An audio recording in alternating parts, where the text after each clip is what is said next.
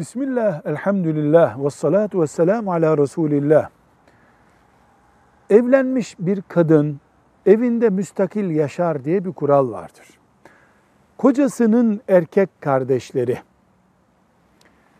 o evde uzun süreli kalmaya gelirlerse kadın bunu kabul edemem diyebilir mi? Diyebilir.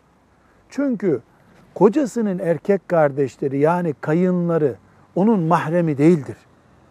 Dayısı gibi, amcası gibi değildir. Bir yabancı gibidir o evde. Ev kıyafetiyle, rahat bir kıyafetle evin içinde onlar varken dolaşamayacaktır. Ben bu engeli istemiyorum deme hakkına sahiptir. Ama İstanbul'a gelmiştir kayını, bir ameliyat vardır, üç gün misafir kalacaktır. İki günlük, üç günlük misafirlik insani bir boyuttur. Buna itiraz etmek doğru değildir. Fakat İstanbul'da çalışacak, senelerce kalacak, kadının buna itiraz etme hakkı vardır. Çünkü kadın evinde, kendi evinde gibi olmayacaktır. Şeriatın emirlerini gevşetip de zararı yok. Onun yanında da kocanın yanında durduğu, oğlunun yanında durduğu gibi dur denecek olsa bunu din kabul etmez. Din yasaklar. Bunun ortası nedir? Misafirlik standartlarında kalınmalıdır. Velhamdülillahi Rabbil Alemin.